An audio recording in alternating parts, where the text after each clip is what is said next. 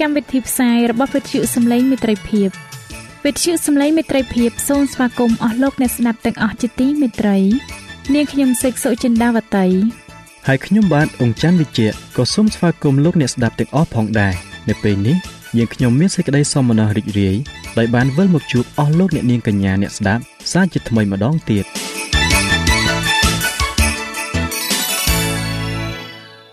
ចា៎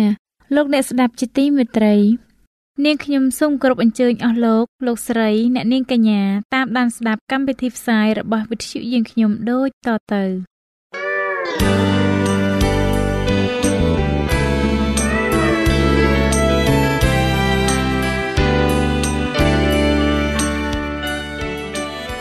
ព្រះបន្ទូលសម្រាប់អ្នកនៅថ្ងៃនេះព្រះគម្ពីរម៉ាថាយចំពុក6ខ26បានចែងថា ចូលពិចារណាពីសត្វស្លាប់នៅលើអាកាស វាមិនសាបព្រោះមិនច្រូតកាត់ឬប្រមូលដាក់ក្នុងជង្រុកផង តែព្រះវរបិតានៃអ្នកដែលគង់នៅស្ថានសួគ៌ទ្រង់ចិញ្ចឹមវាឯអ្នករាល់គ្នាតើគ្មានតម្លៃលើសជាងសត្វទាំងនោះទេឬអី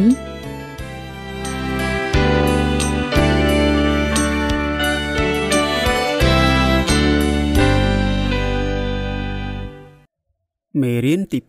5ជំរាបសួរអស់លោកអ្នកទាំងអស់គ្នាជាទីមេត្រី សូមស្វាគមន៍មកកាន់នីតិសបាស្គូលប្រចាំសប្តាហ៍មេរៀនសម្រាប់សប្តាហ៍នេះមានចំណងជើងថាព្រះយេស៊ូវជាអ្នកប្រទានសេចក្តីសម្រាកសម្រាប់លោកអ្នកដែលចង់បានមេរៀននេះប្រើប្រាស់នៅលើទូរស័ព្ទដៃ Android របស់លោកអ្នកលោកអ្នកអាចទាញយកបានតាមរយៈ Play Store ដោយវាយពាក្យថាខ្មែរសបាស្គូលមេរៀននៅសប្តាហ៍នេះយើងនឹងក្រឡេកមើលនៅចំណុចនិងសំណួរមួយចំនួនដូចតទៅតើការរក្សាថ្ងៃសបាតរបស់យើងបង្ហាញថា យើងជឿនឹងត្រូវបានសង្គ្រោះដោយសារព្រះគុណរបស់ព្រះដោយរបៀបណាតើការរក្សាថ្ងៃសបាតរបស់យើងបង្ហាញថាព្រះបានប្រទានជីវិតថ្មីមួយដល់យើងដោយរបៀបណាដែរតើយើងអាចរក្សាថ្ងៃសបាតឲ្យបរិសុទ្ធបានដោយរបៀបណាតើបទពិសោធន៍នេះខុសគ្នាពីការព្យាយាមសង្គ្រោះខ្លួនយើងតាមរយៈទង្វើល្អរបស់យើងយ៉ាងដូចម្តេចទៅអស់លោកអ្នកស្ដាប់ជាទីមេត្រី យើងបានក្រឡេកមើលនៅបទគម្ពីរហេព្រើរជំពូក1និងជំពូក2ដែលបានបង្ហាញយើងថាព្រះយេស៊ូវគឺជាស្ដេចនៃរាជរបស់ទ្រង់យើងក៏បានឃើញផងដែរថាព្រះយេស៊ូវបានរំដោះរាជរបស់ទ្រង់ចេញពីអំពើបាបបទគម្ពីរហេព្រើរជំពូក3និងជំពូក4បានណែនាំថាព្រះយេស៊ូវជាបុគ្គលម្នាក់ដែលនឹងប្រទានសេចក្តីសម្រាកដល់រាជរបស់ទ្រង់យើងអាចយល់នៅគោលគំនិត អំពីព្រះយេស៊ូវនេះកាន់តែច្បាស់ឡើង នៅពេលដែលយើងនឹកចាំអំពីសេចក្តីសន្យា ដែលព្រះបានតាំងឡើងជាមួយនឹងស្ដេចដាវីតនោះព្រះបានសន្យាប្រទានសេចក្តីសុខសាន្តដល់ស្ដេចដាវីតនិងរាជរបស់ទ្រង់ចេញពីខ្មាំងសត្រូវដែលយាយីមកលើពួកគេដោយដែលមានចែងនៅក្នុងព្រះគម្ពីរសាមយូអែលខ្សែទី2ជំពូក7ខ10និងខ11យើងអាចទទួលបានសេចក្តីសម្រេចដូចគ្នានេះនៅពេលឥឡូវនេះ ពីព្រោះព្រះយេស៊ូវបានគង់នៅខាងស្ដាំនៃព្រះព្រះគម្ពីរហេព្រើរបានបកស្រាយថាសេចក្តីសម្រេចដែលព្រះយេស៊ូវប្រទានឲ្យយើង នោះមានប្រភពមកពីព្រះ ហើយដូចគ្នានឹងសេចក្តីសម្រេចនៃថ្ងៃសបាតយ៉ាងដូចនោះដែរដោយដែលមានចែងនៅក្នុងព្រះគម្ពីរហេព្រើរជំពូក4ខ1ដល់ខ11ព្រះបានប្រទានសេចក្តីសម្រេចនេះដល់លោកអាដាមនិងនាងអេវ៉ា ពួកលោកទាំងពីរបានចំណាយពេលនៃថ្ងៃសបាតដំបូងជាមួយនឹងព្រះជាម្ចាស់ពួកគេបានទទួលសេចក្តីសម្រេចយ៉ាងល្អឥតខ្ចោះជាមួយនឹងព្រះដែលបានធ្វើឲ្យបទពិសោធន៍នេះកើតមានឡើងបទពិសោធន៍ដ៏ល្អឥតខ្ចោះរបស់ពួកគេបានជួយឲ្យយើងយល់អំពីហេតុផលដទៃទៀតដែលព្រះបានសន្យានឹងយើងអំពីសេចក្តីសម្រេចនៃថ្ងៃសបាតនៅពេលដែលយើងរក្សាថ្ងៃសបាតឲ្យបានបរិសុទ្ធយ៉ាងពិតប្រាកដនោះសបញ្ជាក់ថា យើងបានបង្ហាញនូវសេចក្តីសន្យារបស់ទ្រង់ក្នុងការធ្វើឲ្យផែនដីបានល្អឥតខ្ចោះឡើងវិញនៅពេលដែលយើងរក្សាថ្ងៃសបាតយើងនឹងនឹកចាំថាព្រះគឺជាព្រះអង្គសង្គ្រោះរបស់យើង ទន្ទឹមគ្នានេះថ្ងៃសបាតរួមមានអ្វីអ្វីជាច្រើនទៀតលើសពីការចងចាំរបស់យើងទៅទៀតថ្ងៃសបាតប្រៀបដូចជារសជាតិនៃជីវិតនាពេលអនាគតដែលព្រះបានសន្យានឹងយើងយ៉ាងដូចនោះដែរ ព្រះបានសន្យានឹងលោកអាប់រ៉ាហាំថាទ្រង់នឹងរំដោះសាសអ៊ីស្រាអែលចេញពីទីសភាពនៅក្នុងស្រុកអេស៊ីបបន្ទាប់មកព្រះនឹងនាំសាសអ៊ីស្រាអែលទៅកាន់ស្រុកកាណាន ដែលជាទឹកដីសន្យា នៅទីនោះពួកអ៊ីស្រាអែលនឹងបានសម្រាក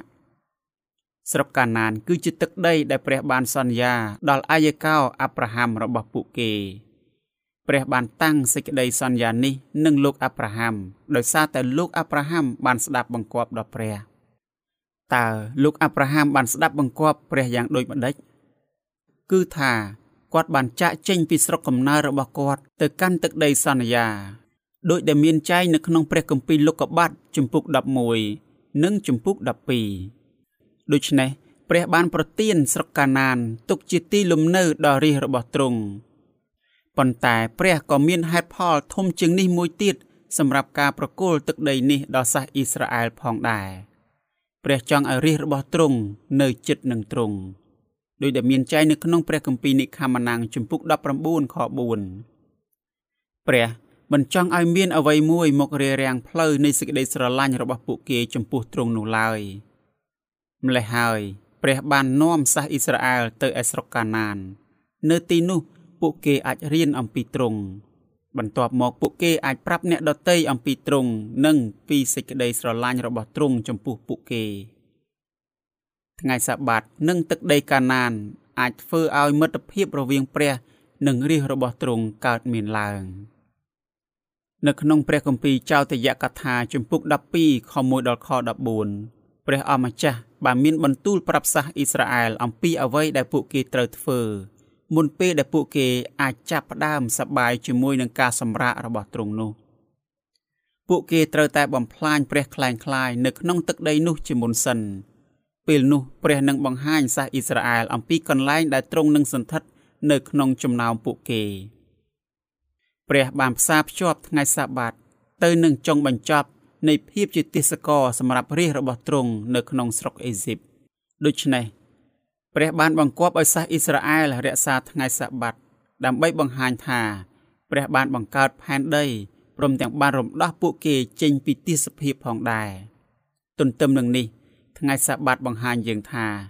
ព្រះគឺជាអតិកោបង្កើតយើង និងជាព្រះអង្គសង្គ្រោះរបស់យើងដែរយើងមិនបានបង្កើតខ្លួនឯងនោះទេម្ល៉េះហើយយើងក៏មិនអាចសង្គ្រោះខ្លួនឯងបានដែរគឺមានតែព្រះមួយអង្គប៉ុណ្ណោះ ដែលអាចសង្គ្រោះយើងបាន នៅពេលដែលយើង សម្រាកនៅថ្ងៃសាបាតយើងបង្ហាញដល់មនុស្សគ្រប់គ្នាថា យើងបានពឹងអាងទៅលើព្រះក្នុងការប្រទានជីវិតដល់យើង និងរំដោះយើងចេញ ពីអំពើបាបនៅលោកីយ៍នេះការរក្សាថ្ងៃសាបាតគឺជាភ័ស្តុតាងដ៏មានអំណាចមួយដែលបង្ហាញថាទង្វើល្អរបស់យើងមិនអាចសង្គ្រោះយើងបាននោះទេ ការរក្សាថ្ងៃសាបាតរបស់យើងបង្ហាញមនុស្សគ្រប់គ្នាថា យើងត្រូវបានសង្គ្រោះដោយសារព្រះគុណរបស់ព្រះតែមួយគត់ប៉ុណ្ណោះយើងបានឃើញរួចមកហើយថាព្រះបានរៀបចំផែនការថាស្រុកកាណាននឹងក្លាយទៅជាកន្លែងសម្រាប់មួយសម្រាប់រាជរបស់ទ្រង់ប៉ុន្តែសាសអ៊ីស្រាអែលមិនបានចូលទៅក្នុងសេចក្តីសម្រាករបស់ព្រះជាម្ចាស់នោះឡើយ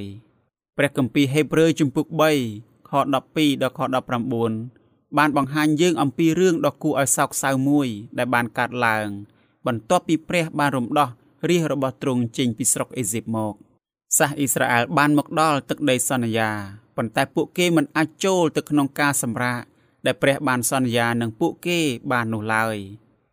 ព្រះគម្ពីរជនកណនីជំពូក13និងជំពូក14បានបរិយាយប្រាប់អំពីមូលហេតុដែលពួកគេមិនអាចចូលទៅក្នុងសេចក្តីសម្រាកនោះបាន អ្នកសង្កេតការ10នាក់ក្នុងចំណោម12នាក់បានបង្កើតរឿងអាក្រក់ ពីស្រុកដែលគេបានសង្កេតមើលនោះ មានតែលោកកាឡែបនិងលោកយូស្វេប៉ុណ្ណោះដែលជឿថាព្រះនឹងនាំពួកគេចូលទៅក្នុងទឹកដីសន្យាប៉ុន្តែពួកបណ្ដាជនគ្មានសេចក្តីជំនឿនោះទេ ជាការពិតណាស់អស់លោកអ្នកទាំងអស់គ្នាជាទីមេត្រី ការសង្ស័យរបស់ពួកគេ គឺជាការគួរឲ្យភ្ញាក់ផ្អើលមួយ នៅពេលដែលយើងគិតអំពីបដិហាទាំងអស់ដែលពួកគេបានឃើញកន្លងមកនោះ ពួកគេបានឃើញគ្រោះកាចទាំង10ដែលព្រះបានទម្លាក់ទៅលើទឹកដីនៃស្រុកអេស៊ីបពួកអ៊ីស្រាអែលបានសម្លឹងមើលព្រះបំផ្លាញកងទ័ពអេស៊ីបនៅក្នុងសមុទ្រក្រហម ព្រះបានទម្លាក់នំប៉័ងឬយើងហៅថាជានំម៉ាណា ពីលើស្ថានសួគ៌ដើម្បីចិញ្ចឹមដល់រាជរបស់ទ្រង់នៅឯវិលរហោស្ថាន ព្រះក៏បានប្រទានទឹកចេញពីថ្មដល់សាសអ៊ីស្រាអែលនៅក្នុងទីរហោឋាន ដែលពោពេញទៅដោយអាកាសធាតុដ៏ក្តៅហួតហែងព្រះក៏បានដឹកនាំសាសអ៊ីស្រាអែលដោយដុំពពកនៅពេលថ្ងៃ និងបង្គោលភ្លើងនៅពេលយប់ប៉ុន្តែបន្ទាប់ពីបដិហាទាំងអស់នេះហើយសាសអ៊ីស្រាអែលនៅតែបរាជ័យក្នុងការជឿទុកចិត្តទៅលើព្រះជាម្ចាស់ទៀតគ្មានអ្វីត្រូវឆ្ងល់ឡើយអស់លោកអ្នកទាំងអស់គ្នាអ្នកសរសេរព្រះគម្ពីរជាច្រើនអ្នកបានមានប្រសាសន៍ថាសាសអ៊ីស្រាអែលនៅក្នុងទីរហោស្ថាន គឺជារូបស័ព្ទមួយតំណាងឲ្យចិត្តដែលគ្មានសេចក្តីជំនឿព្រះបានសន្យាប្រទានដល់យើងនៅអំណោយដែលគ្មានមនុស្សលោកអាចផ្ដល់ឲ្យយើងបានឡើយយើងអាចទទួលយកអំណោយនេះ តាមរយៈសេចក្តីជំនឿនៅក្នុងព្រះគុណរបស់ព្រះតែប៉ុណ្ណោះពួកសាសអ៊ីស្រាអែលបានជ្រើសរើសជឿដំណឹងអាក្រក់សេចក្តីជំនឿរបស់យើង អាចធ្វើឲ្យអ្នកដទៃជឿទុកចិត្តទៅលើព្រះបាន រីឯការសង្ស័យរបស់យើងក៏អាចធ្វើឲ្យអ្នកដទៃមិនអាចជឿទុកចិត្តទៅលើព្រះបានដែរដូច្នេះយើងត្រូវតែប្រុងប្រយ័ត្នយើងត្រូវតែកំឡាចិត្តគ្នាទៅវិញទៅមកជារៀងរាល់ថ្ងៃវិញ យើងគួរតែពិចារណាមើលគ្នាទៅវិញទៅមកដែរដើម្បីនឹងបណ្ដាលឲ្យមានសេចក្តីស្រឡាញ់ហើយឲ្យប្រព្រឹត្តល្អនឹងគ្នាផង លោកប៉ុលក៏បានសូមឲ្យយើងពិនិត្យមើលផងដែរថា ក្រែងមានអ្នកណាខ្វះខាងឯព្រះគុណនៃព្រះដោយដែលមានចែងនៅក្នុងព្រះគម្ពីរហេព្រើរជំពូក12ខ15សប្តាហ៍ថ្ងៃនេះ យើងកំពុងតែធ្វើដំណើរទៅឯទឹកដីសន្យា យើងត្រូវទទួលខុសត្រូវចំពោះមនុស្សដែលធ្វើដំណើររួមជាមួយនឹងយើងដែរយើងបានឃើញរួចមកហើយថា ព្រះបានរំដោះរាជរបស់ទ្រង់ចេញពីស្រុកអេស៊ីបមកប៉ុន្តែពួកគេគ្មានសេចក្តីជំនឿ ដើម្បីចូលទៅក្នុងសេចក្តីសម្រាករបស់ទ្រង់នោះទេទោះជាយ៉ាងនេះក្តីព្រះនៅតែបន្តធ្វើការជាមួយនឹងរាជរបស់ទ្រង់ទៀតចុះចំណែកឯសេចក្តីសន្យានៃសេចក្តីសម្រាកដែលព្រះបានតាំងឡើងជាមួយនឹងសាសអ៊ីស្រាអែលនោះតើយ៉ាងណាទៅណនៅក្នុងព្រះគម្ពីរហេព្រើរជំពូក4ខ1ខ6និងខ9លោកប៉ុលបានប្រើកិរិយាសព្ទយ៉ាងសំខាន់មួយ គឺជាពាក្យថាខាថាលេបូ និងអប៉ូលេប៉ូដើម្បីបង្ហាញយើងថាសេចក្តីសន្យាបានបន្តរងចាំរាជរបស់ព្រះតទៅទៀតកិរិយាសព្ទទាំងពីរដែលលោកប៉ុលបានប្រើនៅក្នុងកានគម្ពីរនេះបង្ហាញយើងថាពួកអ៊ីស្រាអែលមិនបានយកចិត្តទុកដាក់ចំពោះសេចក្តីសន្យាដែលព្រះបានតាំងជាមួយនឹងពួកគេនោះឡើយ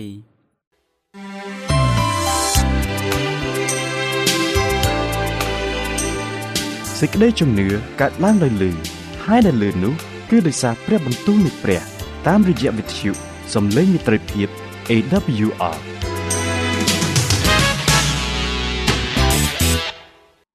អរលោកអ្នកជាទីមេត្រីព្រះគម្ពីរហេព្រើរជំពូក4ខ6និងខ7លោកប៉ុលបានមានប្រសាសន៍ថា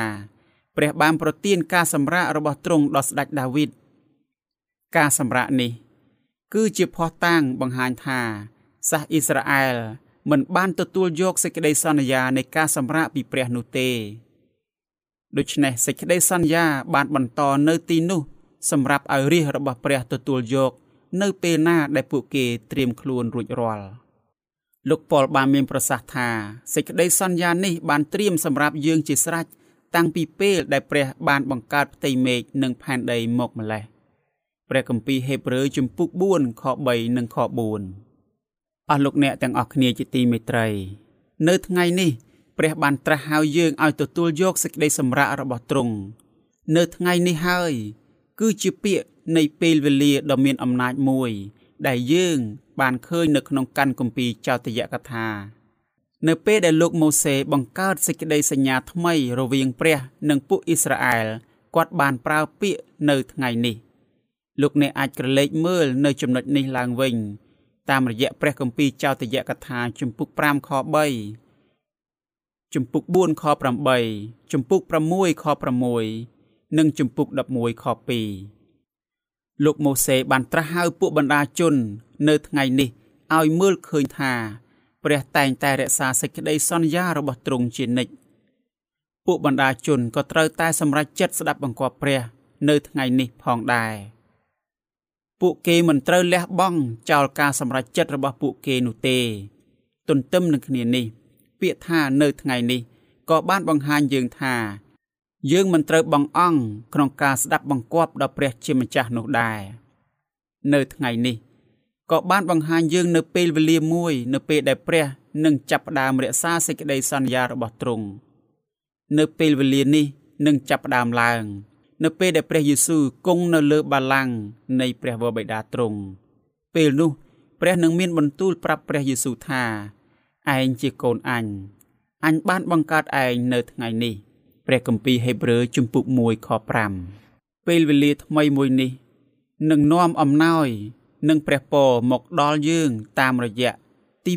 1ព្រះយេស៊ូវបានឈ្នះខ្មាំងសត្រូវរបស់យើង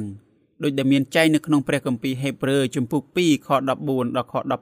16ទី2ព្រះយេស៊ូវក៏បានចាប់ផ្ដើមសេចក្តីសញ្ញាថ្មីផងដែរដូច្នេះនៅថ្ងៃនេះយើងអាចមកដល់បល្ល័ង្កនៃព្រះគុណដោយក្លាហានព្រះគម្ពីរហេព្រើរជំពូក4ខ14ដល់ខ16និងជំពូក10ខ19ដល់ខ23យើងអាចនាំយកដង្វាយខាងឯវិញ្ញាណនៃការសរសើរដំកើង និងអរព្រះគុណមកថ្វាយដល់ព្រះយេស៊ូវព្រះគម្ពីរហេព្រើរជំពូក12ខ28និងជំពូក13ខ10ដល់ខ16នៅថ្ងៃនេះព្រះបានត្រាស់ហៅយើងឲ្យជឿទុកចិត្តទៅលើសេចក្តីសន្យារបស់ទ្រង់ទ្រង់បានប្រទានហេតុផលទាំងអស់ដល់យើង ដើម្បីឲ្យយើងទទួលយកការត្រាស់ហៅរបស់ទ្រង់ភ្លាមភ្លាមដោយមិនបង្អង់ឡើយអស់លោកអ្នកទាំងអស់គ្នាជាទីមេត្រី ព្រះមិនបានត្រាស់ហៅយើងឲ្យរីករាយជាមួយនឹងសេចក្តីសម្រាកបែបធម្មតានោះទេព្រះបានត្រាស់ហៅយើងមកឲ្យរីករាយជាមួយនឹងសេចក្តីសន្យា និងសេចក្តីសម្រាករបស់ទ្រង់ព្រះគម្ពីរបង្ហាញយើងថាសេចក្តីសម្រាកអាចបង្ហាញយើងនៅចំណុចជាច្រើនដូចជា ទី1សេចក្តីសម្រាកបង្ហាញយើងអំពីសេចក្តីសុខសាន្តដែលពួកសាសអ៊ីស្រាអែលបានទទួលនៅក្នុងស្រុកកាណាន ដោយដែលមានចែងនៅក្នុងព្រះគម្ពីរចោទយកថាជំពូក3ខ20ចំណុចទី2សេចក្តីសម្រាកបង្ហាញយើងអំពីរោងអបោសុតដែលមានហឹបសញ្ញានៅក្នុងនោះព្រះគម្ពីររបាខ្សាត់ខ្សែទី2ជំពូក6ខ41ចំណុចទី3សេចក្តីសម្រាកក៏បង្ហាញយើងអំពីថ្ងៃសបាតផងដែរដូចតែមានចែងនៅក្នុងព្រះគម្ពីរនិខមណាងជំពូក20ខ11 ក្នុងព្រះគម្ពីរហេព្រើរជំពូក4ខ1ខ3ខ5និងខ10ព្រះអម្ចាស់បានត្រាស់ហៅយើងឲ្យរីករាយជាមួយនឹងសេចក្តីសម្រាកខុសពីគេមួយ គឺជាសេចក្តីសម្រាកយ៉ាងសុខសាន្តជាមួយនឹងព្រះជាម្ចាស់ថ្ងៃសាបាតបានអបអរសាទរដល់ព្រះយេស៊ូវដ៏ជាព្រះអង្គសង្គ្រោះរបស់យើងព្រះយេស៊ូវបានរំដោះយើងចេញពីទីសភាពនៃអំពើបាបដោយដែលទ្រង់បានរំដោះសាសអ៊ីស្រាអែលចេញពីទីសភាព នៅក្នុងស្រុកអេស៊ីបយ៉ាងដូច្នោះដែរសេចក្តីសម្រាកនៃថ្ងៃសាបាតក៏អបអរសាទរនៅពេលវេលាមួយ ដែលព្រះបានបញ្ចប់ការបង្កបង្កើតផ្ទៃមេឃនិងផែនដីលោកសាវកប៉ុលបានផ្សារភ្ជាប់គំនិតនៃសេចក្តីសម្រាកជាមួយនឹងព្រះយេស៊ូវផងដែរព្រះបានគង់នៅលើបល្ល័ង្កនៃព្រះវរបិតាទ្រង់បន្ទាប់ពីទ្រង់បានសគត់ជំនួសអំពើបាបរបស់យើងដោយដែលបានចែងនៅក្នុងព្រះគម្ពីរហេព្រើរជំពូក10ខ12 ដល់ខ14អស់លោកអ្នកទាំងអស់គ្នាជាទីមេត្រីតើលោកអ្នកឃើញថា ព្រះបានសម្រាកបន្ទាប់ពីទ្រង់បានធ្វើឲ្យយើងរស់នៅដោយសុខសាន្តត្រាន និងមានសុភមង្គលហើយដែរឬទេ ទន្ទឹមគ្នានេះ ព្រះបានសម្រាកនៅក្នុងរោងអបោសុតនៅផែនដី បន្ទាប់ពីស្ដេចដាវីតបានដណ្ដើមយកទឹកដី ហើយសាសអ៊ីស្រាអែលនៅដោយសុខសាន្តត្រាន ព្រះបានបង្គាប់ឲ្យស្ដេចសាឡូមោនសាងសង់ដំណាក់សម្រាប់ព្រះ បន្ទាប់ពីស្ដេចនិងពួកបណ្ដាជន បានសាងសង់លំនៅរបស់ពួកគេរួចជាមុនសិនព្រះពរដ៏ធំបំផុតនៃសេចក្តីសម្រាកនឹងបានមកដល់នៅក្នុងផែនដីថ្មី លោកប៉ុលបានមានប្រសាសន៍ថាលោកអាប់រ៉ាហាំរងចាំក្រុងមួយ ដែលមានរឹសជញ្ជាំងដែលព្រះទ្រង់ជាអ្នកគូ ហើយជាជាងសង់ ព្រះគម្ពីរហេព្រើរជំពូក10ខ10និងជំពូក11ខ14ដល់ខ16ព្រះបានសន្យាប្រទានដល់យើងនៅស្រីល្អនៅលើផែនដីថ្មី គឺជាការគោរពដែលលោកអាដាមបានបាត់បង់នៅក្នុងអតីតកាលអំណោយទាំងនេះគឺជាផ្នែកមួយនៃសេចក្តីសម្រាកនាពេលអនាគតដែលព្រះបានសន្យានឹងយើងរាល់គ្នាសេចក្តីសម្រាកនេះលើសពីទឹកដីនោះទៅទៀត សេចក្តីសម្រាកនេះគឺជាសេចក្តីសម្រាកនៃថ្ងៃសបាតនៅលើផែនដីថ្មី គឺជាកន្លែងដែលព្រះនឹងតម្កល់បល្ល័ង្ករបស់ទ្រង់យើងបានឃើញរួចមកហើយថាក្រឹតវិន័យនៃថ្ងៃសបាតអាចជួយឲ្យយើងនឹកចាំអំពីអតីតកាលព្រះគម្ពីរនិខមានាំងនិងព្រះគម្ពីរចោទយកថាបានប្រាប់យើងឲ្យសម្រាកនៅថ្ងៃសបាតដើម្បីបង្ហាញថាយើងបានជឿថាព្រះយេស៊ូវបានបង្កើតយើង និងសង្គ្រោះយើង ព្រះគម្ពីរហេព្រើរជំពូក4ខ9ដល់ខ11បានត្រាស់ហៅយើងឲ្យក្រឡេកមើលទៅឯអនាគតខទាំងនេះបានបង្ហាញប្រាប់យើងថាព្រះបានបង្កើតសេចក្តីសម្រាប់នៃថ្ងៃសបាតសម្រាប់យើង ដែលនឹងក្លាយជាផ្នែកមួយនៃជីវិតរបស់យើងនៅលើផែនដីថ្មី បន្ទាប់ពីលោកអាដាមនិងនាងអេវ៉ាបានធ្វើបាបរួចមក ថ្ងៃសបាតបានបង្ហាញយើងថា នៅថ្ងៃមួយ ព្រះនឹងធ្វើឲ្យអ្វីៗគ្រប់យ៉ាងថ្មីឡើងវិញម្ដងទៀត។ នៅពេលដែលយើងរក្សាថ្ងៃសបាត យើងក៏បានបង្ហាញអ្នកដទៃថា យើងបានជឿថាព្រះនឹងសង្គ្រោះយើង ថ្ងៃសបាតផ្ដល់ឲ្យយើងនៅរសជាតិតូចមួយនៃនគរស្ថានសួគ៌ខណៈពេលដែលយើងកំពុងតែរស់នៅលើផែនដីដែលពោពេញទៅដោយសេចក្តីពុករលួយនេះថ្ងៃសបាតគឺជាពេលវេលាសម្រាប់សេចក្តីអំណរការថ្លែងអំណរគុណនិងការអបអរសាទរនៅពេលដែលយើងរក្សាថ្ងៃសបាត យើងបានបង្ហាញថា យើងបានជឿទៅលើសេចក្តីសន្យានៃការសង្គ្រោះរបស់ព្រះសម្រាប់យើងជាមនុស្សមានបាប យើងក៏បានបង្ហាញថា យើងបានទទួលយកអំណោយនៃព្រះគុណការអោនទោសនិងអំណាចឈ្នះលើអំពើបាបរបស់ទ្រង់ការរក្សាថ្ងៃសបាតរបស់យើងបានបង្ហាញថា យើងមានសេចក្តីជំនឿដ៏រស់ក្នុងកាន់គម្ពីរហេព្រើរលោកប៉ុលបានប្រើសេចក្តីសម្រាកនៃថ្ងៃសបាតដើម្បីបង្ហាញយើងថា ព្រះបានសង្គ្រោះយើងតាមរយៈព្រះគុណរបស់ទ្រង់លោកប៉ុលមិនបានប្រើថ្ងៃអាទិត្យដើម្បីបង្ហាញយើងអំពីសេចក្តីពិតនៃព្រះគម្ពីរនោះទេតើព័ត៌មាននេះបង្ហាញយើងយ៉ាងដូចម្ដេចអំពីពួកគ្រីស្ទៀនសញ្ញាថ្មីព័ត៌មាននេះបង្ហាញយើងថាពួកគ្រីស្ទៀនសញ្ញាថ្មីបានគោរពនិងរក្សាថ្ងៃសបាតប៉ុន្តែមិនយូរប៉ុន្មាន ការផ្លាស់ប្ដូរដ៏ធំបានកើតឡើងនៅក្នុងពួកជំនុំ ពួកគ្រីស្ទៀនលែងសម្លឹងឃើញថ្ងៃសបាតថាជារូបស័ព្ទមួយអំពីរបៀបដែលព្រះបានសង្គ្រោះយើងទៀតហើយពួកគេបានសម្លឹងឃើញថ្ងៃសបាតថាជារបស់ពួកសាសយូដានិងជាផ្នែកមួយនៃសេចក្តីសញ្ញាចាស់ទៅវិញអស់លោកអ្នកស្ដាប់ជាទីមេត្រី តាមរយៈសិភៅជំហានទៅកាន់ព្រះគ្រីស្ទអ្នកស្រី Ellen G. White បានលើកឡើងថា នៅពេលដែលព្រះយេស៊ូវសន្ធិដ្ឋនៅក្នុងចិត្តរបស់យើង យើងនឹងទទួលបានសេចក្តីសុខសាន្តនិងសេចក្តីសម្រាកយើងប្រហែលជាមិនអាចបង្ហាញសេចក្តីសុខសាន្តនេះតាមរយៈអារម្មណ៍សប្បាយរីករាយពុះកញ្ជ្រោលនោះទេប៉ុន្តែយើងនឹងទទួលបានទំនុកចិត្តមួយដែលដក់នៅក្នុងចិត្តរបស់យើងហេតុផលរបស់លោកអ្នកសម្រាប់សេចក្តីសង្ឃឹមមិនមែនចេញពីលោកអ្នកផ្ទាល់នោះទេសេចក្តីសង្ឃឹមរបស់លោកអ្នកមានប្រភពចេញមកពីព្រះយេស៊ូវតែមួយអង្គគត់ភាពល្ងងខ្លៅរបស់លោកអ្នក បានចូលជាមួយនឹងព្រះប្រាជ្ញាញាណរបស់ទ្រង់រីឯភាពកំសោយរបស់លោកអ្នកក៏បានចូលជាមួយនឹងអំណាចហើយនឹងព្រះចេស្តារបស់ទ្រង់ដែរ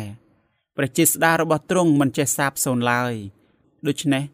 សូមកុំខំប្រឹងប្រែងស្វែងរកសេចក្តីសង្ឃឹមនៅក្នុងខ្លួនរបស់លោកអ្នកនោះឡើយសូមកុំឲ្យគិតអំពីប្រយោជន៍ផ្ទាល់ខ្លួនឲ្យសោះតែសូមសម្លឹងទៅឯព្រះយេស៊ូវវិញចូលឲ្យចិត្តគំនិតរបស់លោកអ្នកប្រាថ្នាចង់បានសេចក្តីស្រឡាញ់ និងសេរីលំអរបស់ទ្រង់វិញចុះសូមគិតអំពីព្រះយេស៊ូវតែមួយអង្គគត់ត្បិតទ្រង់មិនអាត្មានិយមឡើយព្រះតីរបស់ទ្រង់គ្មានអំនួតទ្រង់ឥតសៅមងទ្រង់បរិសុទ្ធហើយសេចក្តីស្រឡាញ់របស់ទ្រង់ក៏មិនអាចយកអ្វីមួយ នៅលើមេឃឬនៅលើផែនដីមកប្រៀបផ្ទឹមបានដែរសូមលោកអ្នកយកគោលគំនិតអំពីព្រះយេស៊ូវនិងសេចក្តីស្រឡាញ់របស់ទ្រង់នេះ ធ្វើជាប្រធានបទដើម្បីពិចារណានៅក្នុងជីវិតរបស់លោកអ្នកចុះអស់លោកអ្នកស្ដាប់ទាំងអស់គ្នាជាទីមេត្រីនៅចុងបញ្ចប់នៃមេរៀននេះខ្ញុំបាទសូមលើកយកនៅខព្រះគម្ពីរមួយដើម្បីអស់លោកអ្នកបានពិចារណាគឺជាខគម្ពីរដ៏សំខាន់សម្រាប់មេរៀននៅសប្តាហ៍នេះដែលមាននៅក្នុងព្រះគម្ពីរហេព្រើរជំពូក4ខ9ដែលខព្រះគម្ពីរនេះបានចែងយ៉ាងដូចនេះថាដូច្នេះមានសេចក្តីឈប់សម្រាកទុកសម្រាប់រាជរបស់ព្រះនៅពេលខាងមុខ តើនេះមិនមែនជាក្តីសង្ឃឹមសម្រាប់លោកអ្នកហើយនឹងខ្ញុំ ដែលជាកូនស្ងួនភ្ងារបស់ព្រះដែរទេឬអីគឺជាសេចក្តីសម្រាកដែលទ្រង់សន្យាថានឹងផ្ដល់ឲ្យយើងគ្រប់គ្រប់គ្នា ដែលជាកូនដ៏ស្មោះត្រង់ចំពោះទ្រង់ក្នុងការរស់នៅសប្តាហ៍ថ្ងៃនេះដូច្នេះសូមឲ្យខ្លឹមសារនៃមេរៀននេះ បានជាកម្លាំងសម្រាប់អស់លោកអ្នកបន្តដំណើរក្នុងសេចក្តីជំនឿជាមួយនឹងទ្រង់បន្តទៅទៀត ខ្ញុំបាទនឹងវិលត្រឡប់មកជួបអស់លោកអ្នកជាថ្មីម្ដងទៀតនៅមេរៀនសប្តាហ៍ក្រោយ សូមអរគុណ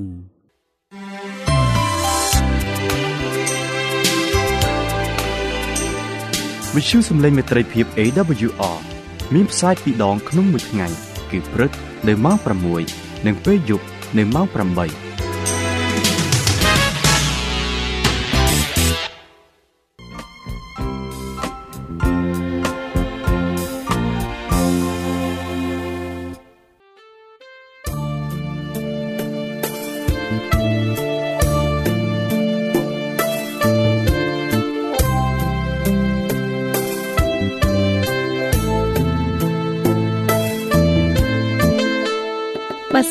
អ្នកមានសំណួរឬសំណុំពរអ្វីសូមតាក់ទងមកការិយាល័យវិទ្យុយើងខ្ញុំ តាមអាស័យដ្ឋានផ្ទះលេខ15ផ្លូវលេខ568សង្កាត់បឹងកក់2ខណ្ឌទួលគោករាជធានីភ្នំពេញលោកអ្នកក៏អាចសរសេរសម្បត្តិផ្ញើមកយើងខ្ញុំ តាមរយៈប្រអប់សម្បត្តិលេខ488ភ្នំពេញឬតាមទូរស័ព្ទលេខ012 34 96 64ឬ097 80 81 060ឬក៏តាមរយៈអ៊ីមែល vol@awr.org យើងខ្ញុំរងចាំទទួលស្វាគមន៍អស់លោកអ្នកនាងដោយក្តីសោមនស្សរីករាយហើយលោកអ្នកក៏អាចស្ដាប់កម្មវិធីនេះឡើងវិញដោយចូលទៅកាន់ website របស់វិទ្យុយើងខ្ញុំតាមរយៈអាស័យដ្ឋាន www.awr.org